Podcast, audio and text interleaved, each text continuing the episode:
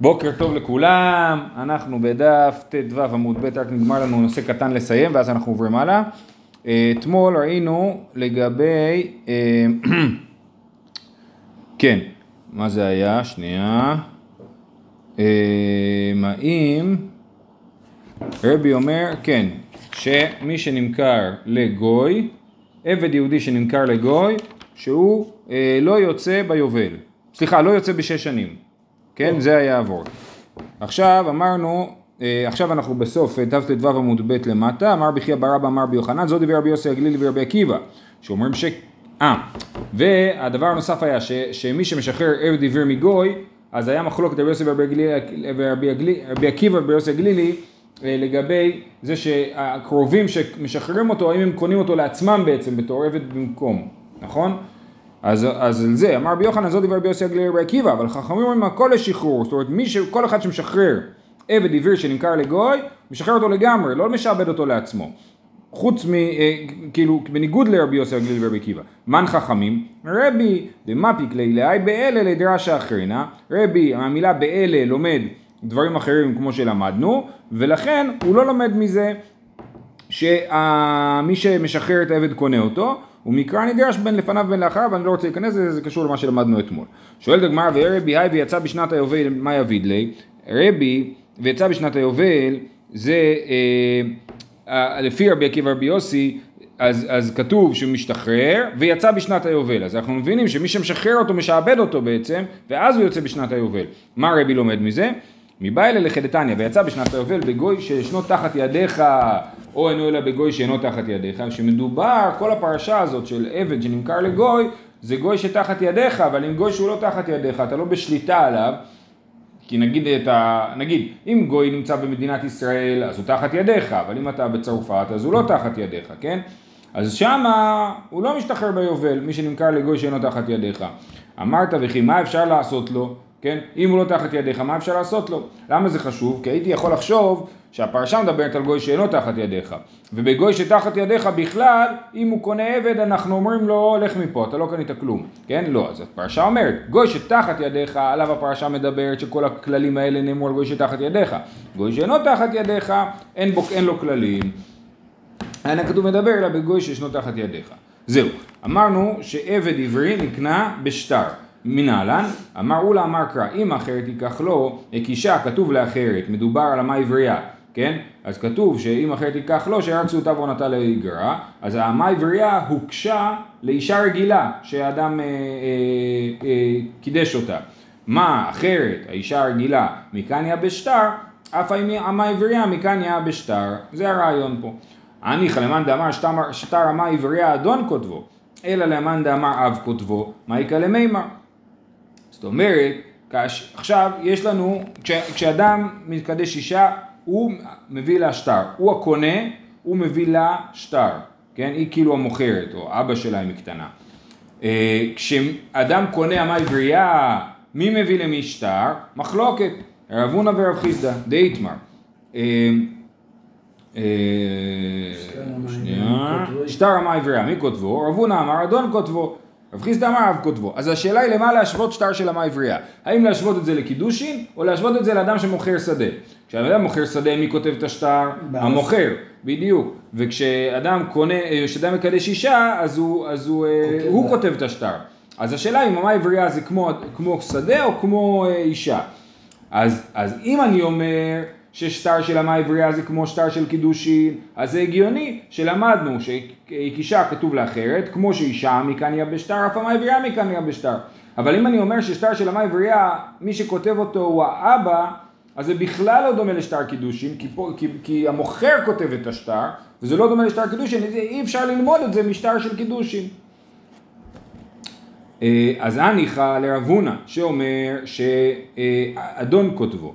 אלא לרב חיסדא שאומר שהאב כותבו שזה לא דומה לקידושין, מה יקא למימר, מאיפה הוא למד שהמאי וריאה נקנית, המאי וריאה ממילא גם עבד, כן, נקנים בשטר, אמר רבח בר יעקב אמר קרא, לא תצא כצאת העבדים, אבל נקניתי כקניין העבדים, כן, כתוב לא תצא כצאת העבדים, שם מדובר על זה, רש"י אומר שמדובר על זה שהמאי וריאה לא יוצאת בראשי איברים, יש לנו הלכה, נאמר בתורה, שאם אדם הפיל את אה, אחד מראשי האיברים של האדם, אה, כן, סימט עינו נגיד, אז העבד יוצא לחופשי, כן? אבל זה רק בעבד כנעני. בעבד עברי שהאדון הפיל את שינו או את עינו, אז הוא לא יוצא לחופשי, כן? אז זה לא תצא כצאת העבדים. אבל נקניתי כקניין העבדים, כן? אם זה הדרשה, כמו שקונים עבדים בשטר, כי ככה כתוב במשנה הבאה שעבד כנעני נקנה בשטר, אז גם המעבריה נקנית בשטר. ומעייני הוא שטר. ואימה, עכשיו, עבדים נקנים בשלושה דברים, בכסף, בשטר ובחזקה. מה זה חזקה?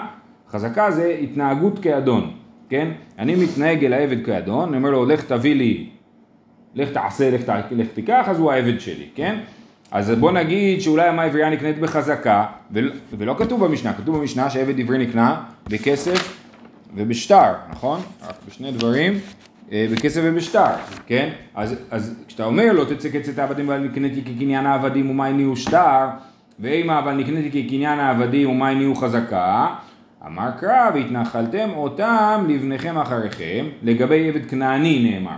והתנחלתם אותם לבניכם אחריכם, אותם בחזקה ולא אחר בחזקה. אז יש לנו דרשה שאומרת שעבד עברי לא נקנה בחזקה. אומרת הגמרא, תגיד הפוך, תגיד אימה אותם בשטר ולא אחר בשטר. תגיד שהדרשה באה להגיד שעבד עברי לא נקנה בשטר, ושעבד כנעני, אה, אה, ושעבד עברי כן נקנה בחזקה, אתה יכול בדיוק להפוך את זה. ואם אותם בשטר ולא אחר בשטר, הכתיב לא תצא כצאת העבדים. ומה ראית? למה אתה בוחר דווקא להגיד שהוא כן נקנה בשטר ולא נקנה בחזקה, תגיד הפוך? מסתברא שטר אבל אלה רבוי. יותר הגיוני להגיד שהפסוק בא לרבות שטר, שהמה עברייה נקנית בשטר, שכן מוציאה בבת ישראל, לשטר יש כוח, שטר יכול לעשות גט, ממילא אם יש לו כוח זה הגיוני להגיד שהוא זה שגם אה, אה, קונה המה עברייה. אומרת הגמרא גם לחזקה יש כוח, אדרבה, חזקה אבל אלה רבוי שכן קונה בנכסי הגר. יש גר, אין לו שום קרובי משפחה, הוא מת. מי מקבל את הנכסים שלו? מה התשובה? מי שתופס תופס. זה חזקה. מי שמחזיק תופס, כן? אז הנה גם חזקה יש לה כוח מיוחד, היא קונה בנכסי הגר, אז גם נגיד שדווקא חזקה קונה עבד עברי ולא שטר. אומרת הגמרא, באישות מי הלא אשכחן. נכון, אבל בתחום של אישות, אז שטר יותר חזק. באמה עברייה יש בצד מסוים של אישות ולכן שטר הוא יותר רלוונטי מחזקה. אי בהתאמה, זה הסבר אחד. הסבר נוסף, אי בהתאמה לאחי אני עם אחרת. כתוב עם אחרת ייקח לו, נכון? אם אחרת ייקח לו, ורצינו ללמוד מזה שכישה כתוב לאחרת כמו שאישה מתקדשת בשטר, ככה גם אמה עברייה נקנית בשטר. אה, אה, ואמרנו שזה שייך רק לרב חיסדא, לרב הונא, אבל רב חיסדא זה לא שייך, אפשר להגיד עכשיו זה שייך. אחרי שיש לי דרשה שאומרת שאישה נקנית בשטר, שאמה עברייה נקנית בשטר ולא נקנית בחזקה, ואנחנו אומרים למה ככה ולא ההפך, אז אנחנו מביאים את הפסוק ואומרים אם אחרת ייקח לא, אישה כתוב לאחרת. זאת אחרי שיש לי כבר רמז לזה שאני אמור ללמוד את זה, אז, לי, אז אני יכול ללמוד את זה מאם אחרת ייקח לו. ורב הונא, שהוא למד מאם אחרת ייקח לו, שהאמה עברייה נקנית בשטר, מה הוא עושה עם הפסוק לא תצא כצאת העבדים, שמזה למד רב חיסדא, כן? רבון אמאי לא תצא כצאת העבדים הידרש בי, ההוא מבעילי שאינה יוצא בראשי איברים כעבד. הוא אומר זה הפשט של הפסוק, לא תצא כצאת העבדים, שהיא לא משתחררת כאשר האדון מפיל את אחד מראשי איבריה. ורב חיסדא, מה, מאיפה הוא יודע? הרי זה, זה מה שהפסוק בא להגיד. אם כן, לכתוב קרא לא תצא כעבדים. מהי כצאת העבדים? שמע מינה תרתי. רב חיסדא אומר, אני יכול ללמוד שני דברים מהפסוק. גם שהיא לא יוצאת בראשי איברים, וגם שהיא נקנית בשטר, כי כתוב לא תצא כצאת העבדים. היה אפשר לכתוב לא תצא כעבדים, ואז באמת לא הייתי לומד מזה שני דברים. זהו. אז למדנו שעבד עברי נקנה בשטר, וקונה את עצמו בשנים, וביובל ובגירעון כסף. שנים, דכתיב, שש שנים יעבוד עמך, בשביעית יצא לחופשי חינם, אז אנחנו יודעים שאחרי שש שנים הוא משתחרר. ביובל, דכתיב, עד שנת היובל יעבוד עמך, משתחרר ביובל. בגירעון כסף, הסברנו, נכון, גירעון כסף זה שאדם אה, אה, משלם את היתרה מהסכום ששולם עליו לעבדות של שש שנים, אז הוא משלם את היתרה שנשארה. אמר חזקי אדם מקרא והפדה, כן, כתוב אשר לא יעדה והפדה. מה זה והפדה? מלמד שמגרע פדיונה ויוצאה, כן? שהיא מגרע את פדיונה. כאילו כתוב והוא אבדה, האדון שלה פודה אותה, מה זאת אומרת? האדון הוא זה שקנה אותה, הוא לא זה שמשחרר אותה, אלא התשובה היא שהיא גם עוזר לשחרר אותה, איך הוא עוזר לשחרר אותה? בגירעון כסף, זה שהוא מחשב ואומר עבדת אצלי שנתיים, את חייבת לי שנתיים פחות, זה כאילו הוא עוזר לשחרר אותה. מלמד שמגרע פדיונה ויוצאה. טוב, עכשיו באנו להוסיף על זה. תנא וקונה את עצמו בכסף ובשווה כסף ובשטר. בשלמה כסף, דכתיב מכסף מקנתו, אז הוא באמת יכול לקנות את עצמו בכסף. שווה כסף נעמי, כתיב ישיב גאולתו. אז ישיב גאולתו, לומדים מזה במקום אחר, שישיב זה בא לרבות אפילו ששווה כסף ככסף. כן, כל דבר שאתה משיב זה אה, אה, משחרר אותו, כן? אה, אמר רחמן רבות שווה כסף ככסף. אלא אי שטר איך ידעמי, כתוב אז שעבד עברי קונה את עצמו בשטר. מה זה השטר הזה? אילמה דכתב לשטר האדמי, היינו כסף. מה זה השטר? העבד כותב לאדון, אה, אני חייב לך עוד אלף שקל, כן? שטר כזה, זה בדיוק כסף, זה רק שטר חוב. אז זה לא הכסף, זה לא השטר שמדובר עליו, אלא שחרור. שטר שחרור, האדון כותב לו, אתה משוחרר. אומרת הגמרא, למה לי? שטר למה לי? לימה לי באפי תרי זיל, אינמי באפי בדין הזיל. למה צריך פה שטר? הרי מה קרה? האדון קנה עבד עברי. בעצם מה הוא עשה? הוא שכר בן אדם לשש שנים. אחרי שלוש שנים העבד עולה לו על העצבים, נמאס לו ממנו, אומר לו, לך מפה. מביא עדים, הולך לבית הדין, אומר לו, לך. למה צריך שטר? האם, מה, אה, אם צריך שטר, סימן שיש פה קניין כאילו יותר עמוק מהקניין הרגיל של סתם לזכור. נגיד יש לי שכיר, היום החוק במדינת ישראל מקשה על לפטר שכיר, נכון? אבל בעיקרון, ברמת ה, ברמה הבסיסית, שיש לי שכיר, אני לא רוצה יותר, יותר, אני אומר לו לך. אז מה ההבדל בין זה לבין עבד עברי? אמר רבא, זאת אומרת, עבד עברי גופו קנוי, ורב שמחל על גרעונו, אין גרעונו מחול. אז רבא אומר, אני לומד מפה שני דברים. אחד, שעבד עברי גופו קנוי, ולכן, אני לא יכול להגיד לו לך, אני צריך לשחרר אותו, כמו שמשחררים עבד כנעני, צריך לשחרר עבד עברי, הוא קנוי לאדון. והשני זה שהרב שמחל על גאונו, אין גאונו מחול. הוא לא יכול להגיד לעבד, תשמע, אתה חייב לי עוד אלף שקל בשביל להשתחרר, יאללה, לך, לא רוצה את האלף שקל, קח, לך מפה. זה גם לא עובד, כי הוא צריך שטר, זה שהוא צריך שטר מוכיח שיש פה קניין עמוק יותר, שאי אפשר לסגור אותו בלהגיד לך, אלא צריך לכתוב, שטר אתה משוחרר, וככה שגופו קנוי וגופו משוחרר. כמו ביבי אומרים לו לך, אבל זה לא מספיק. אה, אה, דרך אגב, זה שגוף הקנוי זה הגיוני גם בהקשר של, אה, שאנחנו אמרנו שעבד עברי רבו נותן לו שפחה כנענית, נכון? אז איך זה יכול להיות, שאתם שאלתם גם אתמול, איך זה יכול להיות שליהודי מותר אישה, אישה כנענית, שפחה כנענית? אז הנה, אם הוא גופו קנוי, אז אני אומר, הוא, הוא יהודי לגמרי, אבל יש איזשהו שינוי בסטטוס שלו האמיתי, כאילו, לכן מותר לו שפחה כנענית. טוב. הלאה, יתרה עליו המה עברייה. במשנה אמרנו שהעבד קונה את עצמו בשנים, ביובל, בגרון כסף, והמה עברייה קונה את עצמה גם בסימנים. זאת אומרת, כאשר מגיעה לגיל 12 ומביאה סימני בגרות, כן, שזה שערות בערווה, אז היא משתחררת גם כן. מה שאין נכון בעבד, זאת אומרת, המה עברייה, אין כזה דבר המה עברייה מעל גיל 12. כל המושג של המה עברייה נגמר בגיל 12, בניגוד לעבד עברי שבדרך כלל דווקא הוא יכול להיות מבוגר, כן? אמר יש לקיש, אמה עברייה קונה את עצמה במיטת האב מרשות אדון מקל וחומר. הריש לקיש אומר, יש עוד דרך שבה אמה עברייה יכולה להשתחרר. אם אבא שלה מת, מי מכר אותה? אבא שלה. אם אבא שלה מת, היא משתחררת. מהאדון, כן? קל וחומר. ומה סימנין שאין מוציאים מרשות אב מוציאים מרשות אדון? הרי כשילדה מגיעה לגיל 12, מביאה סימנים, עדיין רשות אביה עליה. כל עוד היא נערה, האבא מפר את נדריה, מעשה ידיה לאביה, כן? כל שבח נעורים לאביה, כמו שראינו. אז זה, אז הסימנים לא מוצאים מרשות אב, וכן מוציאים מרשות אדון. גיל 12 משתחררת מהאדון, בגיל 12 היא לא משתחררת כאילו מאביה. אז סימן שהקניין של האבא יותר חזק מהקניין של האדון. אז מה סימנים שאין מוציאים מרשות אב מוציאים מרשות אדון? מיתה שמוציאה מרשות אב, אין עוד דין שמוציאה מרשות אדון, כי זה ברור שאם זה משהו שמשחרר מהאב אז הוא משחרר מהאדון. אז זה קל וחומר שיש לקיש. עכשיו אנחנו עובדים לדחות את דבריו. מי טבעי, רב הושעיה יתרה עליו המה עברייה שקונה את עצמה בסימנים. כתוב במשנה שהמה עברייה משתחררת גם בסימנים, נכון? אבל אתה אומר, אומר יש לקיש, שהיא משתחררת גם במיתת האב, והעבד לא משתחרר במיתת האב, אז היה צריך לכתוב במשנה יתרה עליו המה עברייה שמשתחררת בסימנים ובמיתת האב. ואם היא תנית נימה מיתת האב, תנא ושיער. התנא, מהאב. לא, כן, אז זה כן, בסוף זה יצא כן או לא? למה אני שואל? אם זה אוטומטי או רק אם היא רוצה?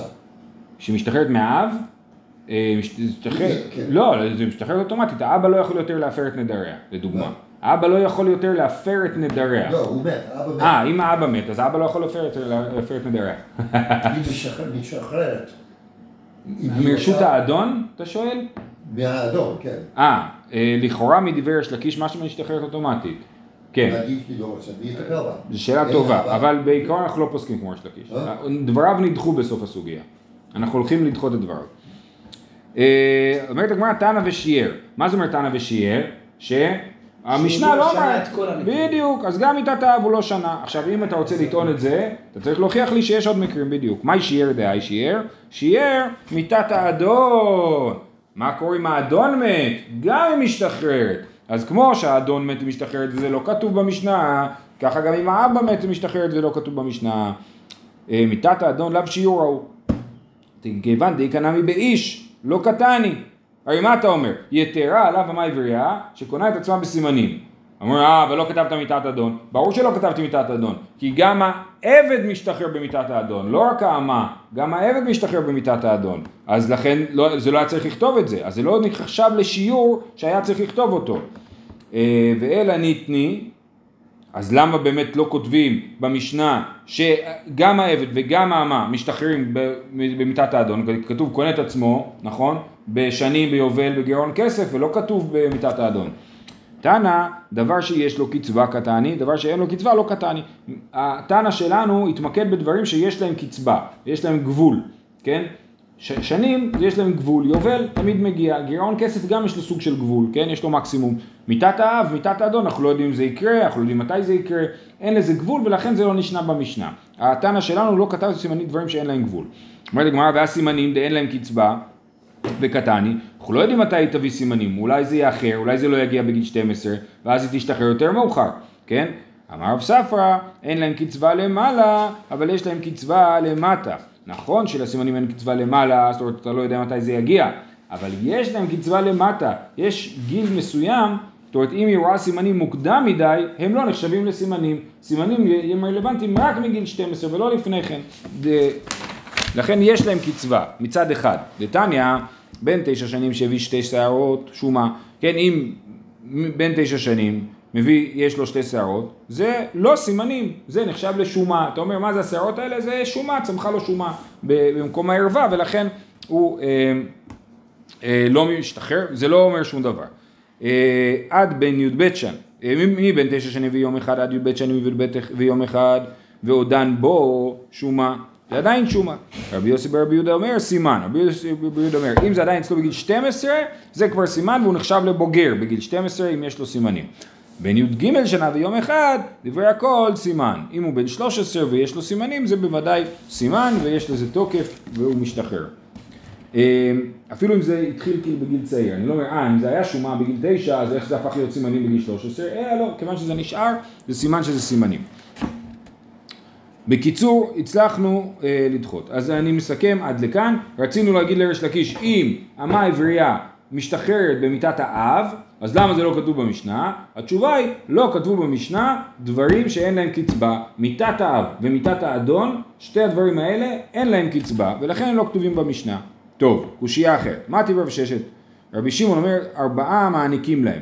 נכון? למדנו את הדין שמעניקים לעבד עברי, כשהוא משתחרר מעני- מעניקים לו. מה קורה אם העבד בורח? לא מעניקים לו, כן? אז יש לנו כל מיני דברים שבהם לא מעניקים. אז רבי שמעון אומר, ארבעה מעניקים להם. יש ארבע, ארבע מצבים שמעניקים בהם. שלושה באיש ושלושה באישה. ואי אתה יכול לומר ארבע באחד. לפי שאין סימנים באיש ואין רציעה באישה.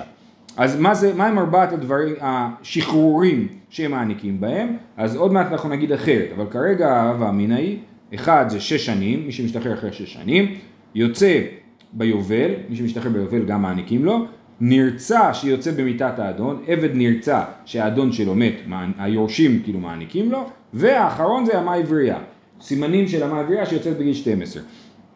עכשיו, אז זה ארבעה דברים, אבל הם, הם שלושה שייכים לגבי הגבר ושלושה שייכים לגבי האישה, כי אמה עברייה היא לא נרצעת, אז הדין של נרצעת, שמת האדון שלא משתחרר ומקבל מענק, לא שייך באישה, וסימנים לא שייך בגבר, כן? אז זה מה שכתוב פה, ארבעה, אי אתה יכול לומר ארבעה באחד, לפי שאין סימנים באישה ואין רציעה, אין סימנים באיש ואין רציעה באישה.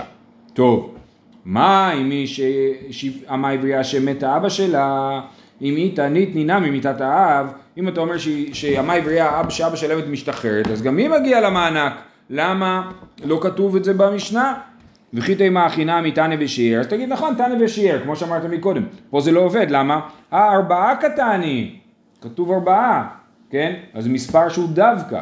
וכי תימא תנא דבר שיש לו קצבה, וקטני, ודבר שאין לו קצבה לא קטני, אז תגיד שוב פעם, כמו שאמרת מקודם, שהתנא לא אמר דברים שאין להם קצבה, והסימנים דאין להם קצבה קטני, אבל כתב סימנים שיש להם, אין להם קצבה, וכי תימא חינמי כדי רב ספרא, אז תגיד את התירוץ שאמרת מקודם, נכון, הרב סף, שסימנים אין להם קצבה למעלה, אבל יש להם קצבה למטה, כמו שהרב ספרא הסביר.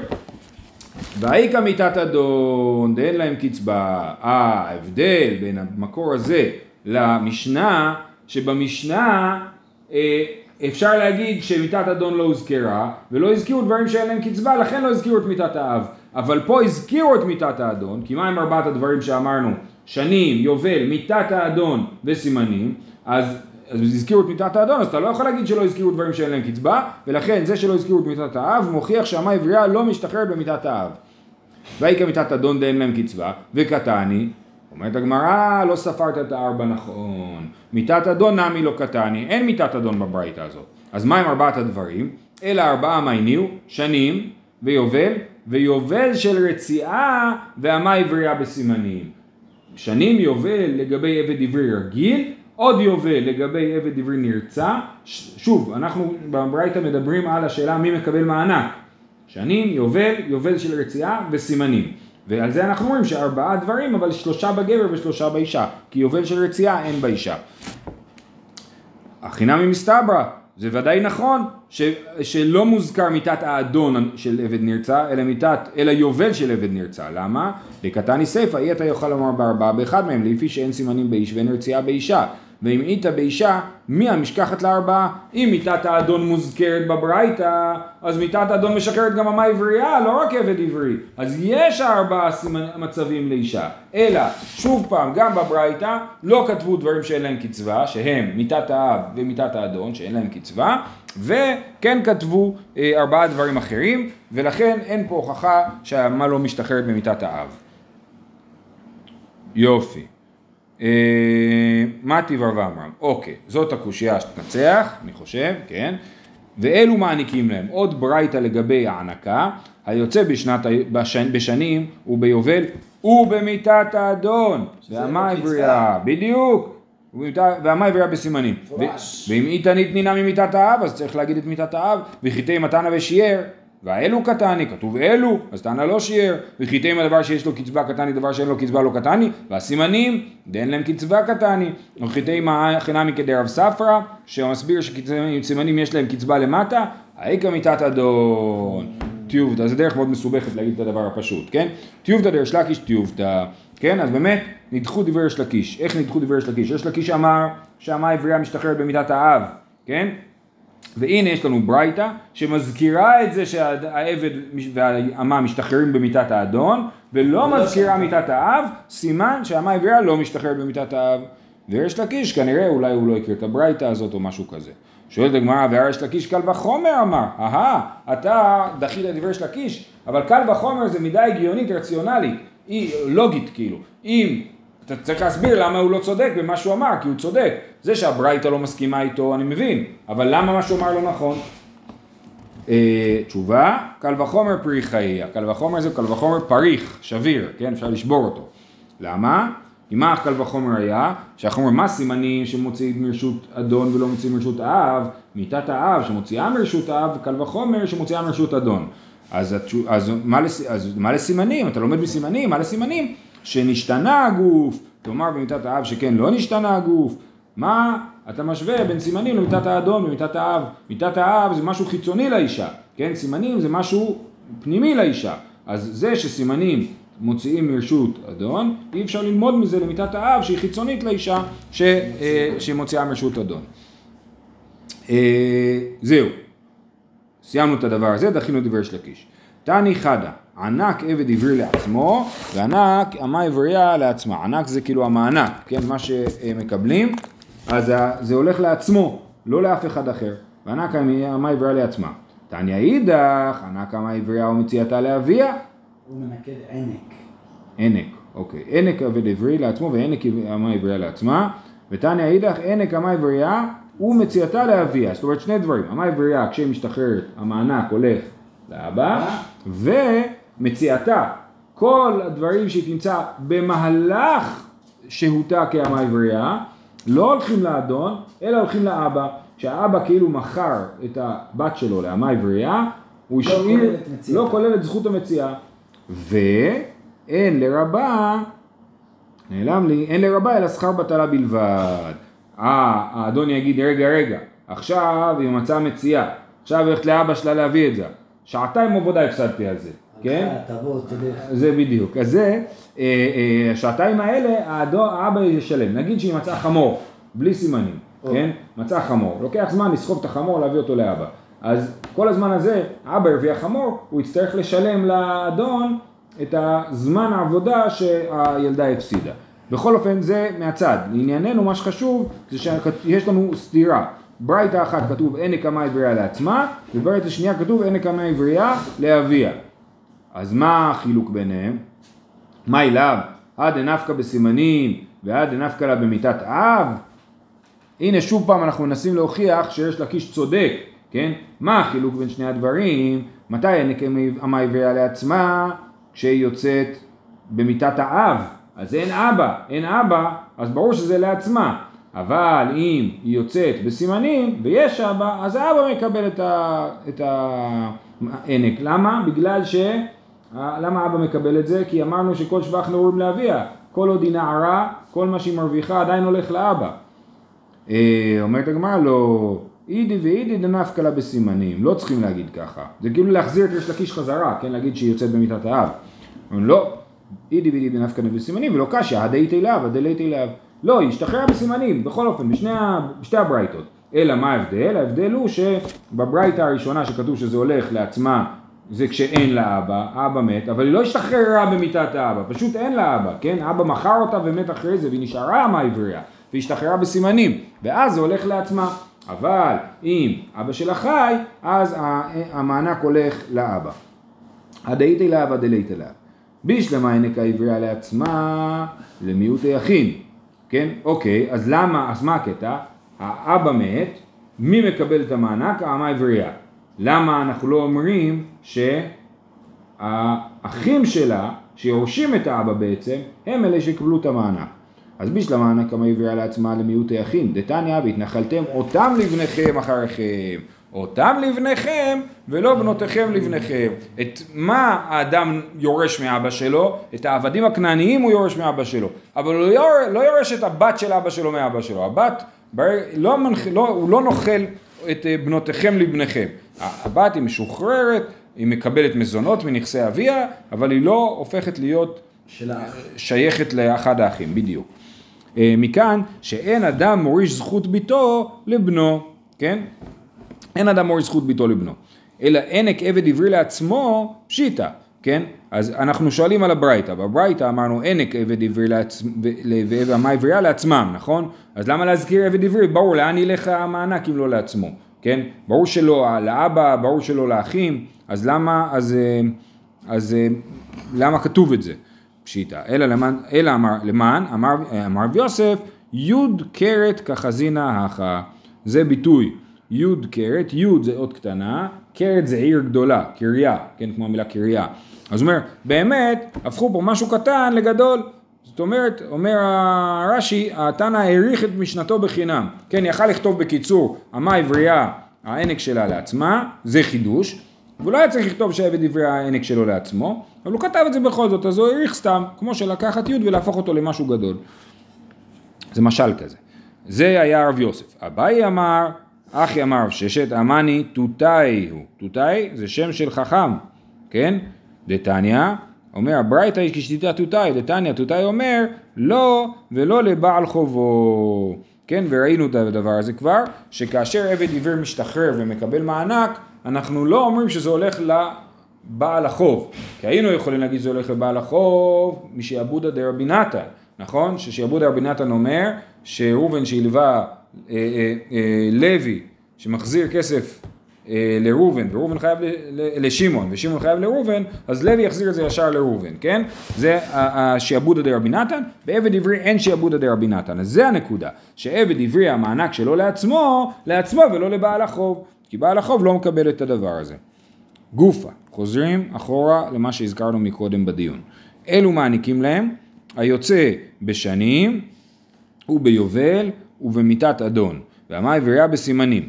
אבל בורח ויוצא בגרון כסף, אין מעניקים לו. מי שבורח מהאדון ומי שהוא אה, יוצא בגירעון כסף, בשני המצבים האלה לא מעניקים. רבי מאיר אומר, בורח אין מעניקים לו. יוצא בגירעון כסף, כן מעניקים לו. רבי שמעון אומר, ארבעה מעניקים להם. שלושה באיש ושלושה באישה, ואיתה יכול לומר ארבעה באחד מהם, לפי שאין סימנים באיש.